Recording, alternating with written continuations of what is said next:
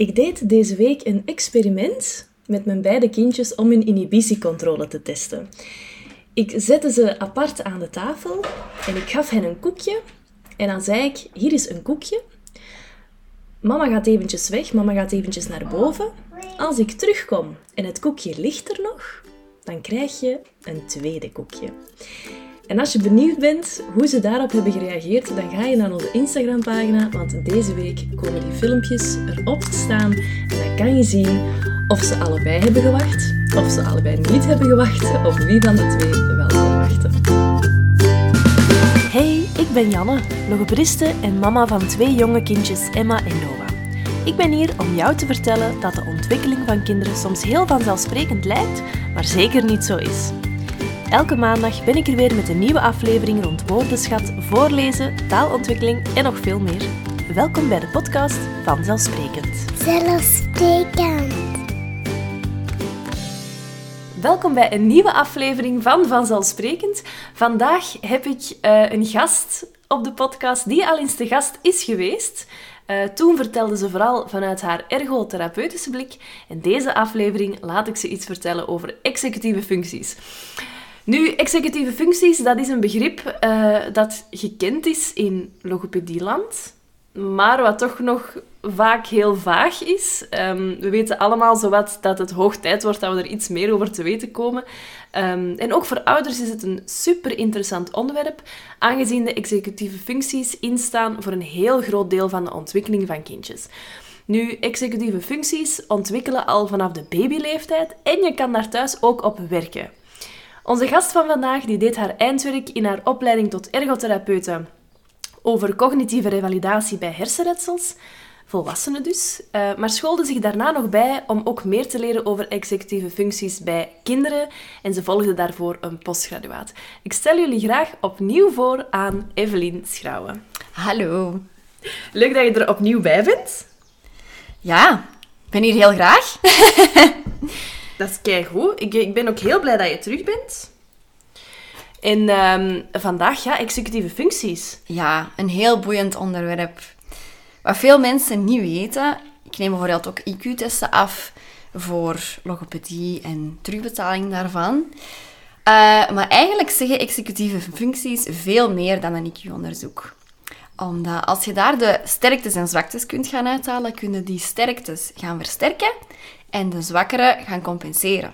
Of gaan ondersteunen met hulpmiddeletjes. We zijn nooit in alles sterk. We zijn allemaal mensen. Dus kinderen en volwassenen kunnen daar altijd hulp bij gebruiken. En bij elke ja, executieve functie zijn er een aantal trucjes dat we kunnen gaan toepassen of kunnen gaan oefenen. En dan kunnen we allemaal wat ja, sterker worden als mens. Hè? Dus dat, is wel fijn. fijn. Ja. ja, dat is heel fijn. Want ik denk dat onze kindjes dat wel kunnen gebruiken. Um, zeker in nu, een wereld waar dat er zoveel prestatiedruk is, heel veel dingen dat je tegelijk moet kunnen, moet doen, wilt kunnen ook. Er is zoveel voorhanden. Um, ik denk dat kindjes al heel veel moeten kunnen op school ook. En dat er daar vaak, ja... Ja, executieve functies, ik, eh, het is een begrip dat ik wel ken, maar heel weinig over kan vertellen. Als iemand aan mij vraagt, wat zijn executieve functies? Dan zeg ik meestal Ehm, iets met werkgeheugen of zo. Dus, dus misschien kan jij eens uitleggen hoeveel executieve functies er, er zijn, want dat weet ik al niet. En ja, een beetje wat overlopen en, en hoe mhm. we die dan thuis kunnen stimuleren. Of, um, Zeker. Ja, met welke, met welke hulpmiddeltjes, wat er moeilijk loopt, wat er, wat er goed kan gaan, al die dingen. Ja. Er zijn er elf, dus dat zijn er heel veel. Ja. Volgens de, opleiding, de um, onderverdeling van Dawson, want er zijn natuurlijk nog andere onderverdelingen waar je er meer of minder mee hebt, maar deze is de meest gebruikte. Mhm. Ehm, en je kan ze ook wat meer gaan onderverdelen in het denken en in het doen. Dus meer het cognitieve en het gedrag dat daarbij hoort. Okay. Als we dat zo gaan opdelen, dan is het denken meer werkgeheugen, zoals je zei. Planning en organisatie. Ik denk dat dat ook wel een vrij bekende is, ik weet het niet. Um, time management, of tijdsdruk. En metacognitie. Ook wel vaak gehoord meer in de psychologie. Ik denk dat dat dingen zijn waar wij als volwassenen ook nog veel aan hebben. Absoluut. Toch? Het absoluut. Zijn, het zijn niet alleen kinderen, maar ook gewoon tot in de volwassenheid dan, hè? Zeker, zeker. Oké, okay, Ja. Onder andere in de revalidatie werk ik daar nog altijd mee, met bepaalde doelgroepen. Dus eh, ja, zeker en vast. En als we gaan kijken naar het doen of het gedrag, dan hebben we inhibitie.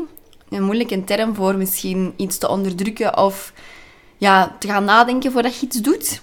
Impulscontrole. Ja, ja, klopt. Ja. Ehm, emotieregulatie, dus ook eigenlijk een executieve functie dat misschien rechtstreeks gekoppeld is aan de psychologie. Volgehouden aandacht, dus concentratie. Taakinitiatie, dus echt het initiatief nemen om dingen te gaan doen zelf.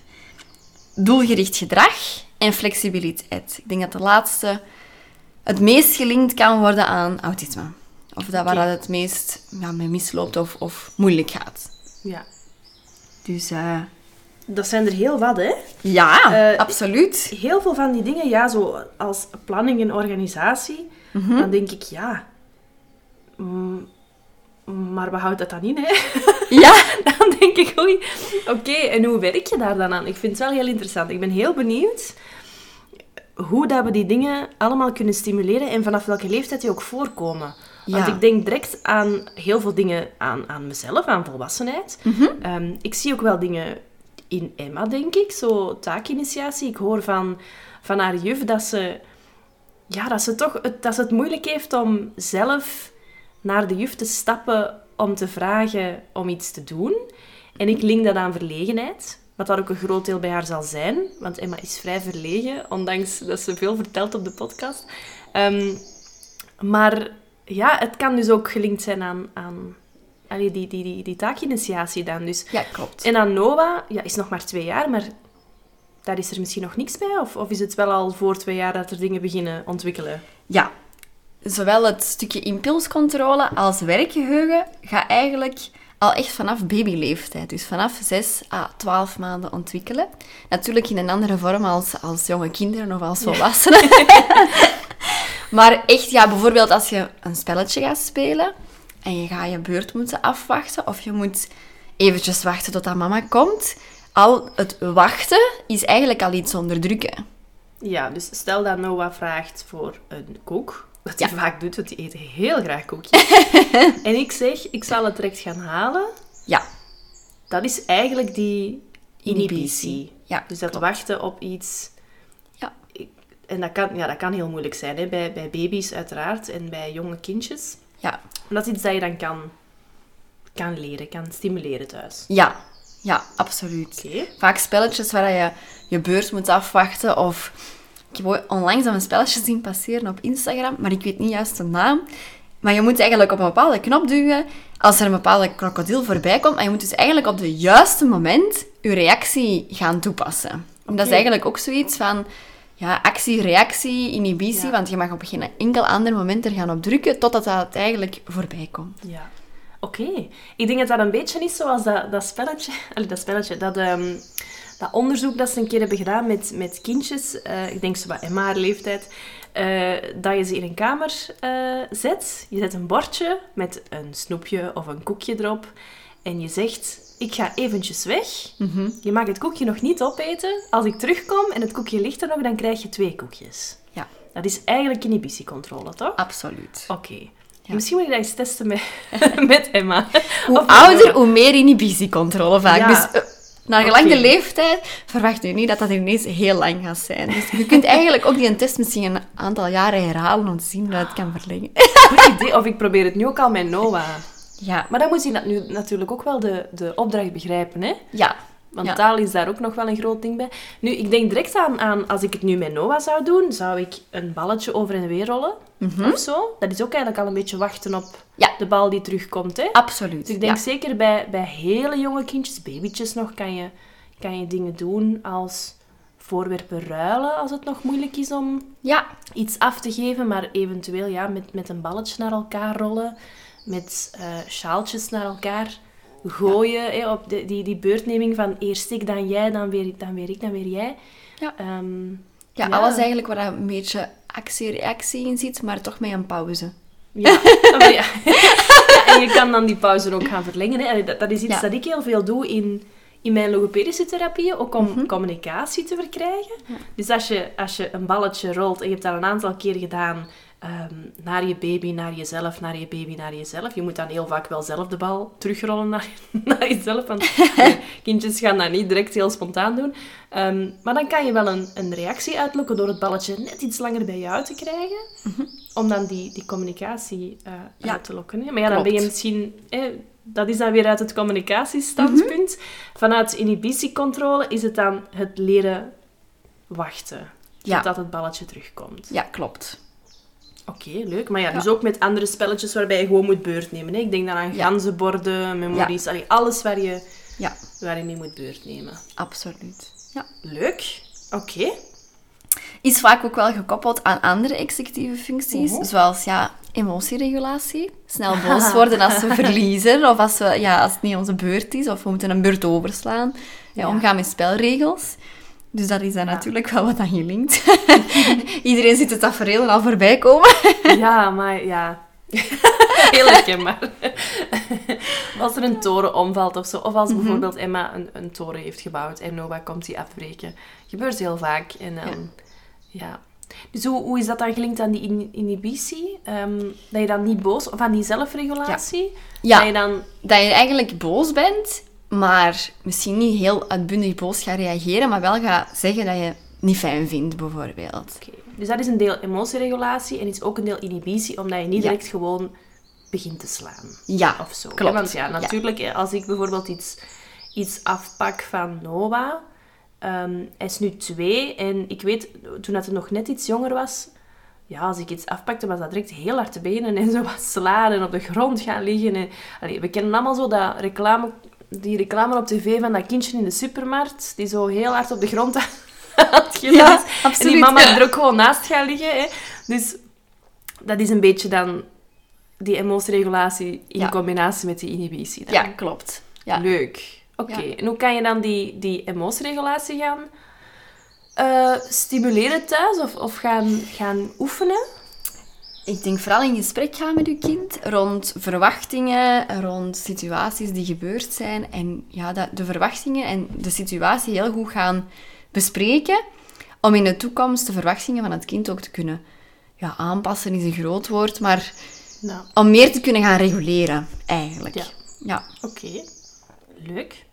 Nu, ik ben een beetje verder gesprongen, hè, want emotieregulatie is niet iets Ja. dat ze al effectief mm, ontwikkelen op, op zes maanden of zo. Maar allee, ja, misschien al beginnend, hè, wie weet. Maar Hm. ja, ja. het is dan vooral die inhibitie en dan, ehm, wat zei je nog, werkgeheugen? Werkgeheugen. Ja. Ja. Werkgeheugen is eigenlijk te vergelijken met korte termijn geheugen. Maar eigenlijk is het het stapje daarvoor. Als we dat vanuit volwassen perspectief gaan bekijken, is dat beperkt tot ehm, zeven items. Dus ik zeg vaak een telefoonnummer, omdat dat heel makkelijk te onthouden valt. Ja. Eh, en het is eigenlijk beperkt ook in tijd tot ongeveer 30 seconden. Dus het is Oh. eigenlijk niet het geheugen op zich, maar wel waar dat je nu mee aan de slag gaat, waar dat je nu iets mee online houdt en iets mee gaat doen. Dus het manipuleren van informatie. Ik gebruik vaak het voorbeeld van een rekensom. 2 plus 2 is 4. Je gaat met die twee stukjes informatie iets doen om nieuwe informatie te verkrijgen. Natuurlijk, als we terugspringen naar de kindjes, dan mogen we niet zoveel verwachten als zoals bij volwassenen. dus echt hele jonge kindjes kunnen 1 tot 2 items gaan onthouden. En als we kijken naar echte, ja, meer baby's, peuters, dan ga je iets kunnen laten onthouden, maar nog niet het manipuleren van die informatie. Dat is een stapje te ver. Ja. Dus dat is echt pas vanaf ja, lagere schoolleeftijd. Dat je echt daarmee aan de slag kan gaan. Dus weet ook, als je vraagt, breng dat en dat en dat eens mee. Goh, als jij drie of vier dingen benoemt, dan weet je eigenlijk al dat jouw kind dat niet gaat kunnen. Puur leeftijdsgebonden. Ja. Terwijl dat we dat soms misschien wel verwachten. Ja, klopt. Hè? Want ik, ik kan me zo voorstellen dat ik aan Emma zou vragen... Emma is nu drie, ehm, bijna vier. Als ik nu aan Emma zou vragen... Neem je boekentas, doe daar je broodtos uit, vul je drinkenbus opnieuw en kom terug naar mij. Dat zijn heel veel dingen, hè? Ja, klopt. Want het is ook niet qua taal, hè, dan. Want ik denk natuurlijk direct in, in taalontwikkeling. Mhm. Ehm, qua, werk, qua opdrachtbegrip en qua werkgeheugen. Je moet natuurlijk ook de opdrachten kunnen gaan begrijpen. Ja. En ik denk aan jou, hè, dat je zei van één à twee elementen. Ja. Ehm, pak je schoenen is, is één opdracht. Ja. Maar pak je rode schoenen zijn er eigenlijk al twee. Denk ik dan. Vanuit een taalopzicht is dat een moeilijkere opdracht. Omdat je dan Ja. het concept schoenen moet onthouden en je moet ook het concept rood gaan onthouden. Dus als je Ja. dan blauwe schoenen hebt staan en rode schoenen, je vraagt aan je kind pak de rode schoenen, Mhm. dan moet hij eigenlijk al twee dingen onthouden. Is dat ook hetzelfde als bij werkgeheugen? Zijn dat dan al twee dingen of hoort dat dan samen?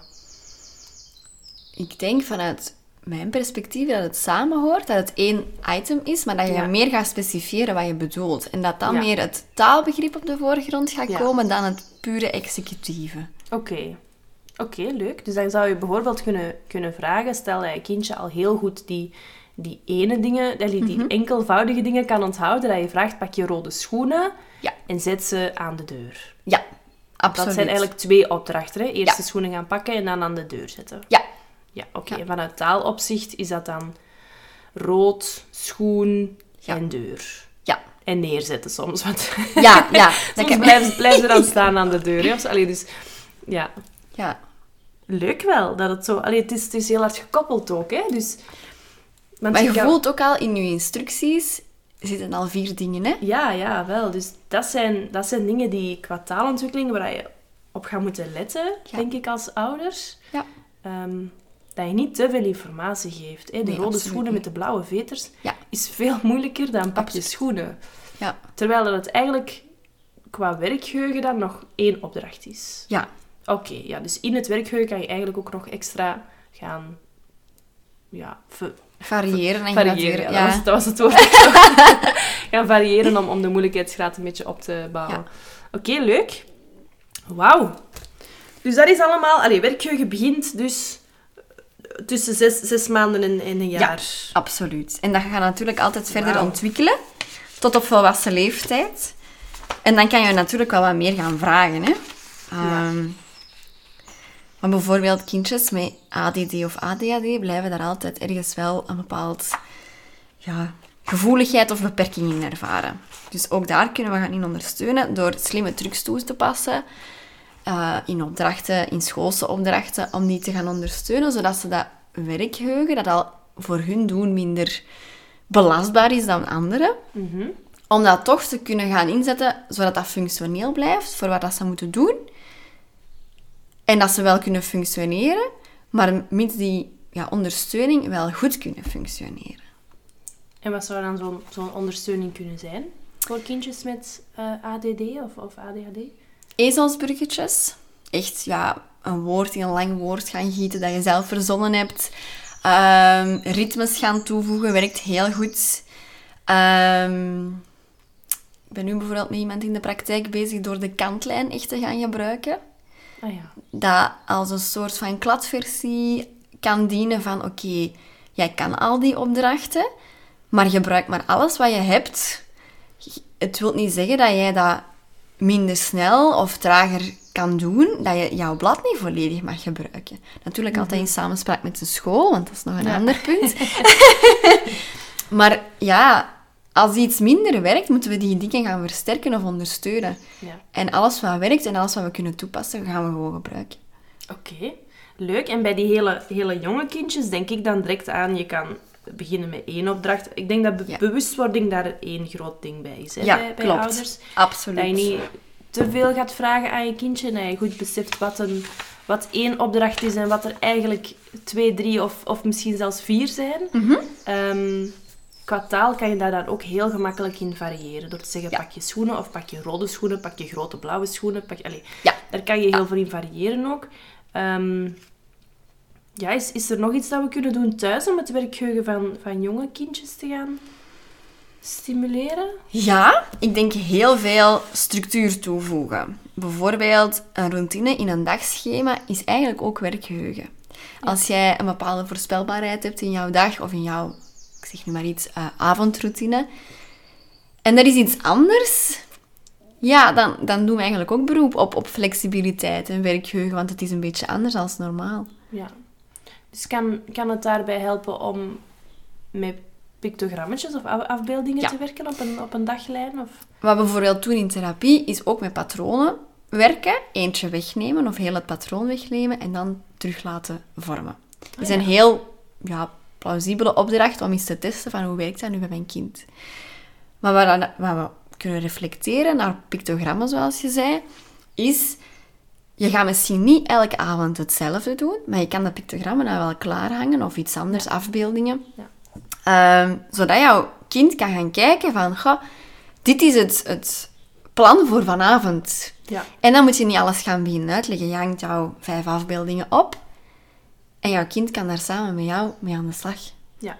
Ja. Ik denk dan direct ook aan de kleuterklas waar Emma in zit. Zit nu in Ja. de eerste kleuterklas en daar hangt ook... Maandag is de rode dag en dinsdag is de... Is de Ja. allee, ik ken, ken de kleuren niet van buiten. maar op die manier kijken ze ook heel... Allee, hebben ze voorspelbaarheid? eh, Weten ze wat er gaat gebeuren? Ehm, Ja, klopt. Ik denk dat ze daar ook pictootjes bij hangen van nu gaan we boterhammen eten, dan is het knutseltijd, dan is het eh, hoekenwerk of, of spelen. Of, of, hè. Absoluut. Dus dat helpt ook dan bij het werkgeheugen, om dat een beetje Ja. te, te gaan trainen. Ja. Wat ik ook aan denk, is iets wat ik in de, in de logopedie wel doe. Mhm. Voor taalontwikkeling dan, maar eigenlijk kan het dan ook wel voor werkgeheugen. Is ehm, als kindjes woordenschat aan het oefenen zijn bij mij, dan, dan neem ik drie prentjes. Mhm. Ja. Eh, pakt van de dierentuin. Hè. Een, een, een aap, een leeuw en een olifant. En dan zeg ik, doe je ogen maar dicht. En dan neem ik bijvoorbeeld de olifant weg. Ja. En dan vraag ik aan hen, welk dier is er weg? Ja. Met mijn doel in het hoofd, dan leren ze het woord olifant. Of dan zijn ze aan het oefenen. Want ze zien het in hun hoofd, wat dat dan eigenlijk werkgeheugen is. Ja. Maar dan gaan ze het woord gaan benoemen. Of de afbeelding Klopt. gaan benoemen zonder dat het er ligt. Ja. En zo train, je, train ik de woordenschat. Maar eigenlijk ben ik dan ook heel hard werkgeheugen aan het trainen. Ja. Alles wat je kort moet onthouden of eventjes vasthouden en daarna terug moet gaan ja, reproduceren, dat is werkgeheugen. Oké, Ja. leuk. Goed, wauw. En dat ontwikkelt dus al voor een jaar eigenlijk. Ja, ja klopt. En de, de meest sterke ontwikkeling is tussen de drie en de vijf jaar. Oké. Ja. En hoe, hoe is het dan bij... ik ben echt lang aan het doorvragen op dat werkgeheugen. Maar hoe zit het dan bijvoorbeeld bij, bij Noah? Die is nu twee. Hoe, hoe- Ja. Wat is zijn werkgeheugen dan nu? Of hoe, hoe moet ik dat zien? Dat je vooral één tot twee dingen kan gaan vragen en nog niet te veel die manipulatie van die informatie. Dat komt echt pas later. Dus zo, Ja. ja, wat ik zei van het rekensommetje, dat is echt manipuleren van info, van iets dat je krijgt en je gaat iets nieuws creëren. Dat mag je echt van jonge kindjes nog niet verwachten. nee, nee, dat ga ik niet vragen aan Noah. Maar ik mag bijvoorbeeld wel vragen... Geef de bal een keer aan mama. Ja, absoluut. Of Ja. ga, jouw, ga jouw bordje wegzetten Ja, in de keuken of zo. ja. Ja. Zolang het kort en bondig en concreet blijft. Ja, Ja, niet zo van, je moet nu wel echt je schoenen gaan aandoen, want we gaan eh, op tijd moeten vertrekken, want we moeten er op tijd zijn. Nee. Dat is een beetje te moeilijk, hè? Ja, klopt. Uiteraard. Ook op taalvlak is dat enorm moeilijk. Als je Aha. gewoon zegt, pak je schoenen, doe je schoenen aan, is Mhm. veel gemakkelijker dan heel die zin. Ja. Ehm, ja, oké. Maar ook bij volwassenen soms. Hè. Als, wij, als ik eventjes naar mijn gezin kijk Mhm. en wij hebben een, een prikkelbare dag, zal ik maar zeggen, of veel informatie gehad in de dag, ja, dan moet ik zo'n instructie ook niet geven aan mijn vriend. En dan Nee. zegt hij, oei, oei, oei, wacht, wacht, wacht, wacht, wacht. dus ja, ja dat, dat komt ook wel wat terug in de volwassen leeftijd. Ik kan me het helemaal voorstellen. Er is zo'n mopje...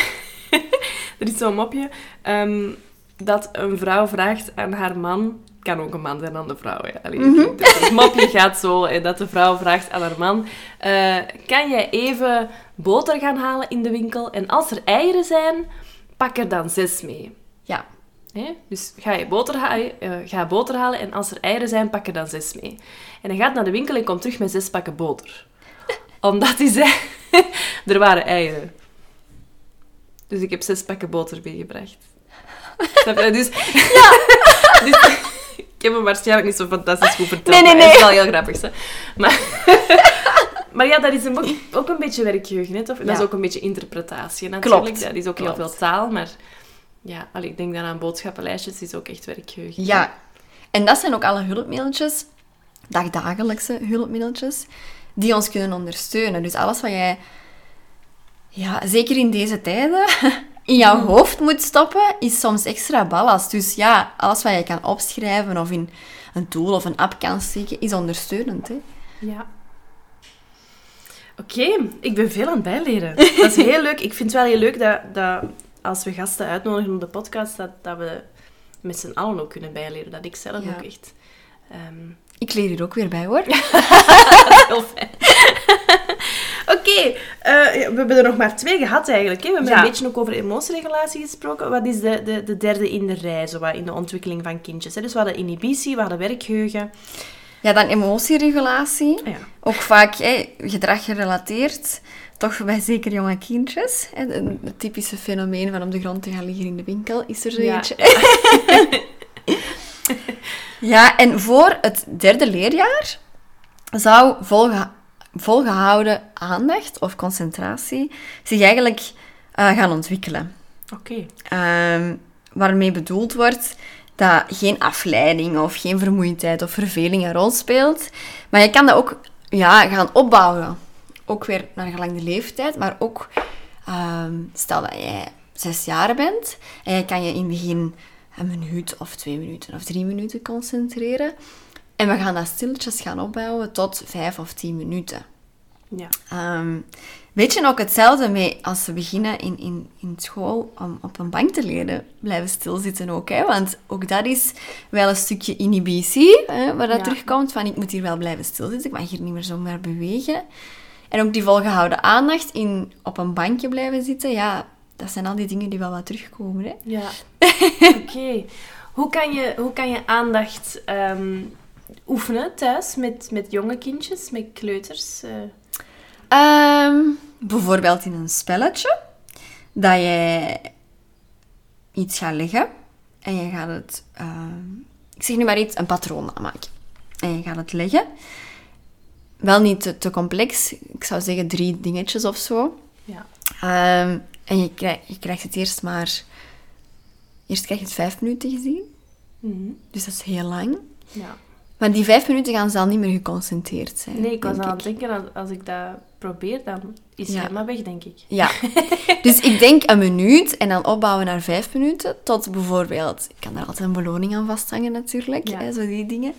Eh, dat je kan gaan uitbreiden tot die vijf minuten en kan gaan opbouwen. Om te kijken van, lukt dat hier? En zo kan je dan eigenlijk gaan doortrekken naar ja, dagdagelijkse situaties. Van, hoe lang kan nu mijn kind dat volhouden om zich te concentreren? En zijn daar voorwaarden aan verbonden? Beloning Ja. is natuurlijk... Hè, Ja, ja, ja. ja. Ik denk dan aan, aan kralenrijgen of zo. Wij hebben hier thuis wel wat kralen. En, en ik merk dat Emma dat al van zichzelf begint te doen, die, die patroontjes. Ze vindt dat heel leuk van zo... Eerst geel, dan rood. Dan geel, dan rood. Dan geel, dan rood. ja, Ehm, maar dat is ook iets dat je als, als opdrachtjes kan geven aan, aan, je kindje. Hè? Van probeer Zeker. dat eens een keer en dan kijken hoe lang die het kan volhouden, Ja. bijvoorbeeld. Ook daar kan je gaan uitbreiden, zowel in aandacht, maar ook in werkgeheugen. Van steek er nu een keer een blauwe tussen. Ja, En zien wat dat ze daarmee doen. ja. Ja. Oké, leuk. Heel tof. Ja. Goed. Ehm, wat is de volgende? Taakinitiatie. Goh, dat betekent eigenlijk echt dat je dingen gaat doen uit jezelf. Ja. Ik hoor vaak wel, hè, mijn kind is misschien wat passiever of wat minder, ja, zelf dingen gaan doen of zelfstandig gaan doen. Maar dat betekent ook dat je op tijd begint aan een opdracht. Of dat je dat op een efficiënte manier gaat ondernemen. Dat je weet wat, je, wat er van jou verwacht wordt en dat je er gaan gaat starten. Ja. Maar ook daar, dat is niet zo gemakkelijk. Je kan dat wel gaan Nee, nee, stimuleren door veel in je omgeving te gaan aanpassen. Ook op school wordt daar vaak mee gewerkt door ja, je omgeving zo in te richten met stickers of dat het eigenlijk wat voorspelbaar wordt en dat de juf niet altijd nodig is, of de meester natuurlijk, Ja. om die dingen te gaan ja, initiëren. Ja. Dat het kind eigenlijk zelf die dingen kan gaan doen en aanpakken. Ja, wa- waar ik dan direct aan denk is, is, is Emma heeft in haar, ehm, in haar klasje een bak staan voor de brooddozen, Mhm. Ja. een plek voor de drinkbussen, een, een plek voor het fruit. Ehm, en als ze aankomen is het een routine van zelf je boekentas uit te laden en dan de brooddoos bij de brooddoos te zetten en de drinkbus op de juiste plek en zo. Ehm, en dan je, je boekentas aan je eigen haakje te gaan hangen. Ja. Wat ook natuurlijk waarschijnlijk nog veel andere executieve functies Ja. zal Klopt. zal veronderstellen ook, hè? Maar is Dat hangt heel hard samen met plannen en organiseren. Ja, Hè, de, de voorspelbaarheid van, van iets organiseren. Hè. De bakjes en er hangt al een afbeelding op. Als je wilt dat je kind gaat opruimen, is dat een hele goeie. Dat Ja, alles klopt. voorspelbaar en organisatorisch een stukje ja, al ja, zo ingesteld wordt dat je kind dat uit zichzelf kan gaan doen. Ik vind dat een hele leuke tip voor thuis. Van je speelgoedbakken te labelen. Ja. Ik heb dat een tijdje gedaan. En toen begon Noah eh, te kruipen. En toen begon Noah te prullen. En uiteindelijk zijn al die stickers eraf gegaan. Ik had zo mooie etiketjes gemaakt. En ik had daar dan een tekeningetje op gemaakt. Van twee puzzelstukjes bijvoorbeeld. En dat was Ja. de bak voor de puzzels. En dan een popje getekend. En dan eh, een, twee soorten fruit getekend. Voor Mhm. alle fruitjes die dat we dan hadden. Zo van die plastieken of houten fruitjes die je, kan, ehm, die je kan snijden. Dus op die manier had ik eigenlijk de speelgoedhoek heel mooi georganiseerd. En, en, ja. Maar ja, dat is dan helemaal mislukt als dan de kleinste begon te Mhm. Dat is ook ja, kijk, menselijke.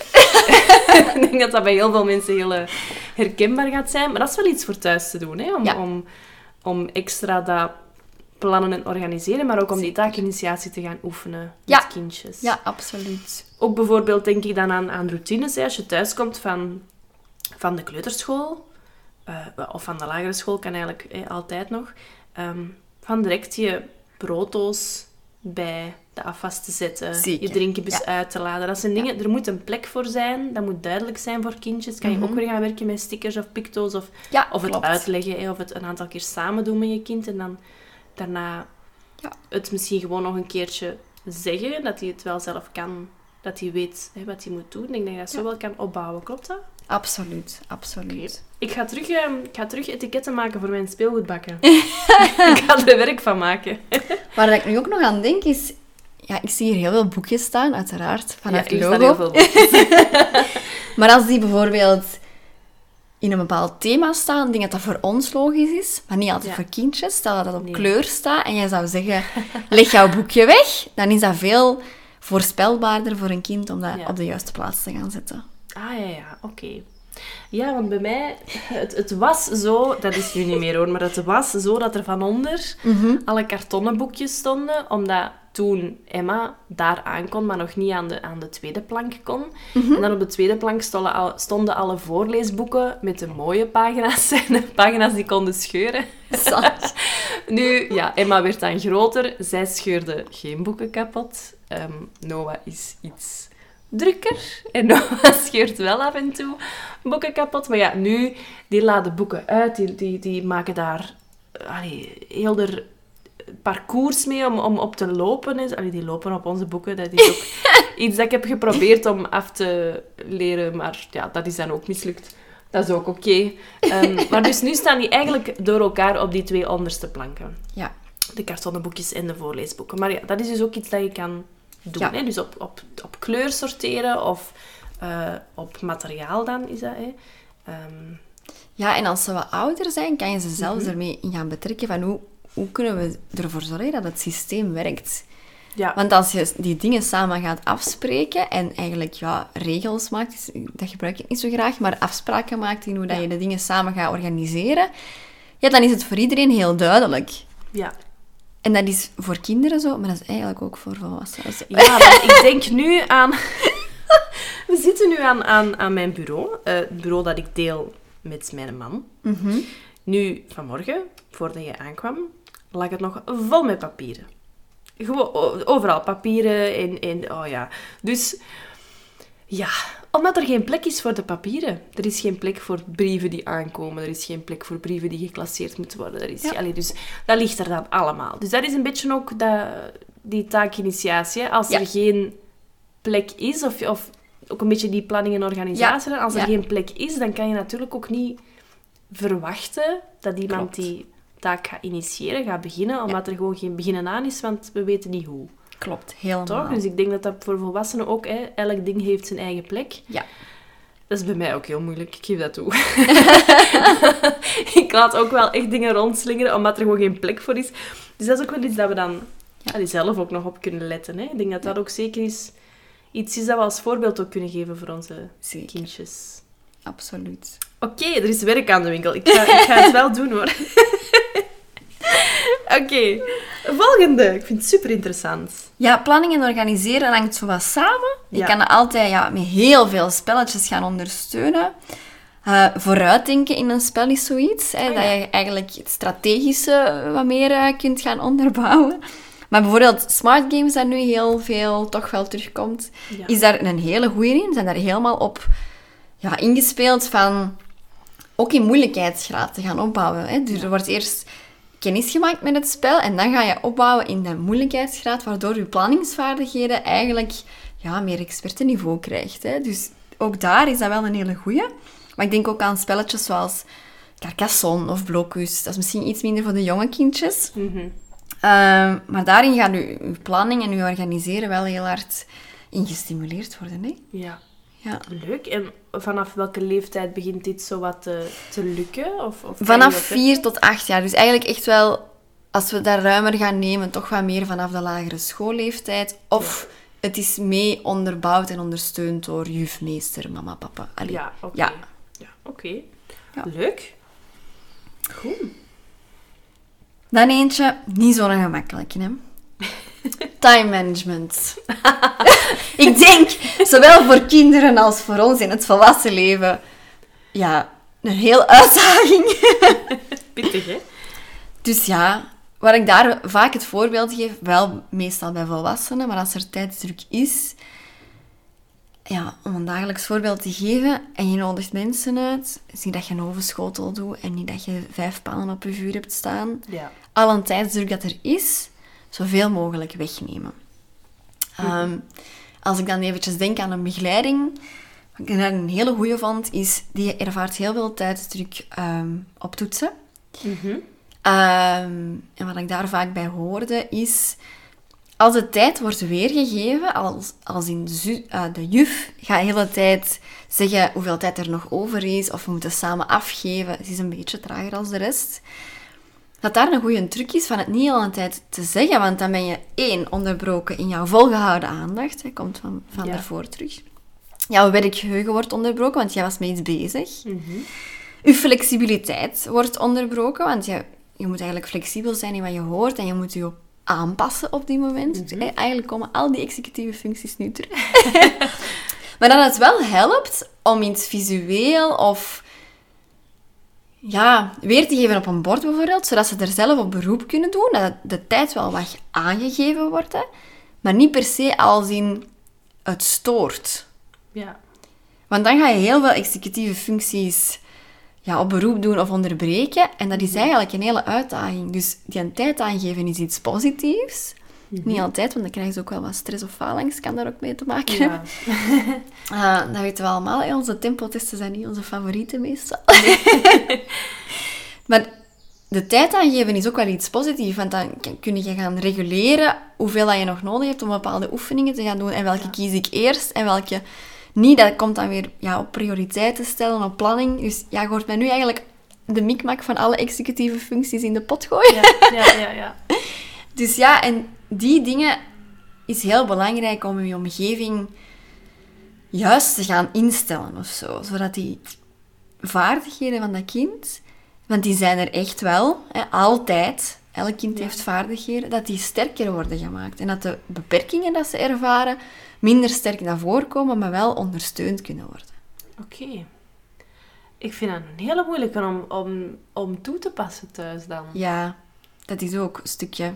Wat dat we nu soms doen, dat heeft ook wel wat te maken, denk ik, met die emotieregulatie. Is als we naar eh, ons bed gaan, of als we Emma proberen in bed te leggen, Ja. dat we zeggen, je mag nog vijf minuutjes opblijven. Ja. En we zetten dan een wekkertje. Ah ja. Omdat we dan kunnen aangeven, het is toch vijf minuten. Mhm. Ze mag altijd vragen hoe lang nog, maar het ligt niet in het zicht, het is op onze, op onze telefoon. Dus ja, ze, ze kan dat niet zien. Misschien is het wel goed om dat dan ook te laten zien of zo. Of om Ja. de gsm open op tafel te leggen of zo, dat ze dat dan kan, kan zien. Ehm, en dan weet ze, als het wekkertje afgaat, moet ik naar boven. Ja. Vanuit ons standpunt emotieregulatie. Want anders, als we zeggen we gaan nu naar boven, of het is tijd om naar boven te gaan, dan kan die soms wel eens heel, eh, heel emotioneel reageren. Van Ja. nee, ik wil nog niet en ik wil, nog, ik wil nog, nog blijven spelen, of ik wil nog een beetje tv kijken, of ik wil nog dit, of ik wil nog dat. Mhm. Ehm, dus dan vinden we dat wekkertje een goed idee. En hoe, hoe zie jij dat vanuit time management perspectief? Ehm, dat ontwikkelt zich vooral vanaf de lagere schoolleeftijd. Ah ja. Dus eh, dus ik vind het een hele goede truc, want kinderen die jonger zijn, kunnen tijd echt niet goed gaan inschatten. Nee, dus nee. die hebben die ondersteuning heel hard nodig. Dus ik vind het eigenlijk een hele goede truc. Het enige dat ik zou zeggen is het misschien visueel maken. Zodat Ja. zij kan zien, ah ja, ik heb nog twee minuten. Wat, voor haar geen twee minuten zijn, maar misschien, ja, zoveel streepjes in de rode zone. Ik zeg nu maar iets. Ja, hè. ja. Een hele goede, ik denk dat je die vaak vindt, zijn zo die... Time die ja, ja, Ja. Vind je soms ook bij de HEMA. Hè? En ik wil zeggen, je moet niet Ah, in de therapeutenwinkel altijd gaan Ja. zoeken naar hulpmiddelen. Maar alles wat visueel wordt en aftelt, zonder dat daar echt... Voor ons hangt daar een tijd op, maar voor hun is Ja. dat iets heel onwezenlijks, hè? Ja. We hebben zo'n zo'n slaapwekkertje. Ah ja, voilà. Dus zo een, ehm, dat is een schaap. Sam het, Sam het schaap heet het. En, en we hebben hem ook zo allee, genoemd dan, Sam. Ehm, en als Sam slaapt, dan wordt Sam rood. Allee, het, het, ehm, Ja. het, eh, hoe noem het? het. schermpje wordt dan rood. Eh, en dan als het... eh, Nu, het wordt groen om 7 uur s morgens. Of om kwart... nou, om 7 uur. Maar om half zeven wordt het al oranje. Dus dan Ja. weet Emma ook, het is bijna tijd om op te staan. Als ik nu wakker word, mag ik eventueel al wakker blijven en in mijn bed blijven liggen of zo. En dan ziet ze ook streepjes eh, weggaan. En dus dan zijn er eerst nou, pak tien, tien streepjes of zo. En dan elke paar minuten gaat er nog een streepje af. Ehm, zodat ze ook kan zien, het is bijna tijd om op te staan. Het is bijna Absoluut. tijd, want ja, kinderen kunnen geen klok lezen. Nee. Eh, dus, en dat werkt wel voor haar. Ja. Dat ze ook weet van nu is het tijd om te slapen en nu is het tijd om, om uit mijn bed te komen. Ze blijft heel mooi liggen. Ze roept nog wel heel veel s'nachts naar mij. Mhm. Ehm, dat is een volgend eh, werkpunt. maar ze weet al wel dat ze niet uit haar bed Mag, ja. mag komen Ja. eigenlijk. Hè, omdat dan Sam nog slaapt. Het is tijd om te slapen. En dat is wel heel duidelijk en visueel voor haar. Ja. Een hele goede om met tijd om te gaan. En ook daar worden weer taakinitiatie terugkomen. Van Ja. ik, ik, of iets onderdrukken. Invisiecontrole, waar we in het begin Ja. over hebben Ja. gesproken. Dus je ziet, je hebt, je hebt er nooit ene vast eigenlijk. Hè? Het is Nee. altijd een combinatie van Ja, een aantal. Hè? dat is zo leuk. Ja. Oké, er zijn er nog, denk ik, hè? Ja. Ehm, doelgericht doorzettingsvermogen. Meestal best te vergelijken met iets, ja, een doel te zetten en daar heel doelgericht mee aan de slag te gaan. Ja. Ik ga daar iets minder over uitweiden. Ik denk dat dat wat voor zich spreekt. Mhm. Eh, maar een hele bekende, denk ik, of waar dat velen mee te maken krijgen, is flexibiliteit. Ja. Vaak ook wel het meest gelinkt aan het stukje autisme. Mhm. Ehm, die niet altijd heel flexibel zijn, maar ik vind het altijd een groot woord, want als de, ja, als de situatie wel voorspelbaar is, dan is de flexibiliteit minder ja, een probleem. Mhm. Maar ook daar blijft wel een heel grote zoektocht natuurlijk. Van hoe Ja. kunnen we ja, in actie-reactie daar in elkaar tegemoet komen. Ja. Maar hoe dat je daar kan op gaan oefenen, zijn natuurlijk alle spelregels. Dus elk spelletje is eigenlijk goed. Ja. maar een goed spelletje is bijvoorbeeld ook vlotte geesten. Ik weet niet hoe dat je dat kent. Ja, ja, ja. Dus daar moet je echt heel hard beroep gaan doen op dat ja, flexibel stukje. Hè? Maar ook even hoe Uno, hè? bijvoorbeeld. Allee, simpele spelletjes mogen ook. Hè? De meesten hebben dat wel in hun kast liggen. ja. Maar daar moet je spelregels onthouden. Heb je omkeringen, bijvoorbeeld, moet je flexibel Ja. zijn van, ah, de toer verandert hier wel. ja. Dus eh, Oké. Dus je kan dat oefenen door gezelschapsspelletjes te spelen met verschillende regels. ja, Ehm, ik denk ook wel dat je dat in dagdagelijkse situaties kan zeker. hè, en wat daarbij kan helpen. Ik denk dan weer aan een daglijn. Ja, Ehm, ja ik, ik denk daar meteen aan zo het voorspelbare stuk ja. vooral te gaan ondersteunen. Dus hoe voorspelbaarder het is... Want ik denk dan aan een daglijn... Sommige kindjes hangen daar dan ook heel hard aan vast. En dan Klopt. is die flexibiliteit net heel moeilijk. Hè? Klopt. Maar het, Ja. het geven van een daglijn geeft meer houvast, waardoor dat die flexibiliteit misschien ook gemakkelijker gaat? Of, of zie ik dat verkeerd? Ik Want dat lijkt mij vaak- wat contradictorisch. Ja, het kan ook zijn als we ons te veel doelgericht dan gaan vastpinnen op een daglijn, dat het ook kan tegenwerken. Ja. Dat die flexibiliteit net ja, onder vuur staat, om het zo maar te zeggen, omdat ze daar te veel van, het staat hier wel op, op de daglijn, het gaat zo gebeuren, het staat hier zo op, en dan krijg je die discussie natuurlijk. Ja, ja. Dus het is soms wel... Je kan bijvoorbeeld een aantal picto's of afbeeldingen hangen. Ik ben wel meer fan van afbeeldingen dan van picto's. Mhm. Omdat picto's, als we dan terugkijken naar taal, Ja. al een abstract vermogen is dat voor interpre- interpretatie vatbaar is. Terwijl Ja. afbeeldingen soms duidelijker werken. ja, klopt. Daar ben ik Ehm, helemaal mee akkoord. Ja, dus ik, ik weet dat er vaak met picto's wordt gewerkt, maar ik ben niet altijd helemaal fan, om eerlijk te zijn. Maar je kan wel bijvoorbeeld dagstructuren gaan aangeven. Ochtend, middag, avond. En daar een aantal dingen inhangen of, of ophangen. Zonder dat je heel de dag gaat voorkouwen, bijvoorbeeld. Ja. Dus je kan wel dingen aangeven om ook met, jou, in, met jouw kind in gesprek te gaan. Maar de hele daglijn gaan uitstallen, dat zou ik persoonlijk niet doen. Dan ga je misschien net de ri- rigiditeit gaan eh, ontlokken in plaats van de Ja. flexibiliteit. ik denk, ik denk eh, wat ik soms doe, is ik werk eh, soms eh, met een, een soort van daglijn of een, of een stappenplan-achtig iets voor kindjes die bij mij op therapie komen. Dus dan Ja. denk ik aan, aan kindjes die, die stotteren bijvoorbeeld, of kindjes die voor taal komen. En dan heb ik een, een soort van stap 1, stap 2, stap 3. En dan is stap 1 Jannes keuze. Ja. Stap 2 het kindjes de keuze dan. Ja. En stap 3 een, een afsluiting. Ja. Dat is eigenlijk Helemaal. heel vaag, hè? Allee, dat is, maar het geeft kindjes toch wel een houvast van eerst Absoluut. kan ik... Eerst gaan we iets doen wat Janne leuk vindt, wat, wat we moeten doen, een moetje. Dan mag ik iets kiezen en dat mag je. Ik bereid er dan altijd wel een therapiedoel aan, uiteraard. Ehm, Zo zijn we. maar het kind ervaart dat zo niet. Hè? Het kind ervaart dat als eerst... Mag Janne iets kiezen? En ik moet dan eventjes luisteren. of ik ga toch echt mijn best moeten doen. En daarna mag ik iets kiezen. Ehm, en kan dus ook beter wachten. En, kan dus ook, en, en vertoont ook ja, meer motivatie om dan te werken aan mijn doel. Bijvoorbeeld. Wat ik dan voor ogen heb. Wat je doet, is eigenlijk een, een bepaald voorspelbaar iets creëren, waardoor dat je bijna alle executieve functies in één keer meeneemt. Want je gaat aan inhibitie werken, je gaat aan taakinitiatie werken, je gaat aan volgehouden aandacht werken, want ze weten, ah ja, ik moet nog zoveel volhouden Ja. bijvoorbeeld. Ja. Maar ook aan planning en organisatie. Al die dingen komen eigenlijk bijna aan bod, door Ja. het gewoon uit te stellen. Ja. En Allee, dat kan je ook thuis doen, hè, dan? Ja, Allee, je kan ook zeggen van, oké, we gaan nu in de voormiddag eh, gaan we naar het park. In de namiddag mogen jullie thuis spelen. Ja, Of klopt. zo. Ja. En dat is soms al voldoende, hè. zoek het niet te ver om Ja. een hele daglijn te gaan uitstellen. Ja, voilà. Oké, maar dat is wel heel leuk. Hè? Ik denk dat er Ja. heel veel dingen tussen zaten voor, ehm, voor ouders. Mhm. Allee, om, om thuis te gaan toepassen. Ik denk dat ik er zelf ook heel veel aan heb gehad, aan eh, ons gesprek. Was er nog iets? Want ik, ben, Ja, de aller, allerlaatste is metacognitie. ik was al aan het afronden. Ik dacht, hebben we er geen elf gehad? Metacognitie. Ik vind dat een vaag begrip. Ja.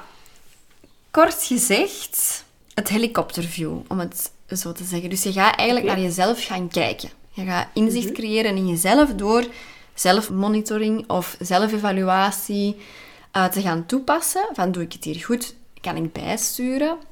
Wat ik bijvoorbeeld doe bij mijn schrijfcliëntjes, om het zo te noemen, is een aantal smileys toepassen. En dan mogen ze van mij eh, het woordje dat ze goed hebben geschreven in het geel doen, of in het groen, en degenen die minder goed gaan in het rood. Is dat altijd per se slecht? Want daar ben ik gevoelig aan. Hè? Het slechte gaan benoemen? Nee. Het is eigenlijk inzicht creëren in het procesmatige. Waar ben ik mee bezig? Wat kan er beter? Wat kan ik bijsturen? Dus je bent echt aan het monitoren van die dingen. Waarbij ik vaak benader van niks kan fout gaan. We maken allemaal fouten, we zijn allemaal mensen. Het is gewoon belangrijk, zowel als volwassenen als als kinderen, Ja. eh, om daar inzicht in te krijgen. Van, ja, niks gaat allemaal perfect, hè? dat is heel normaal. Maar weten wat goed geschreven staat en wat minder goed geschreven is, daar kan je wel op ja, gaan bijsturen. Hè? Ja.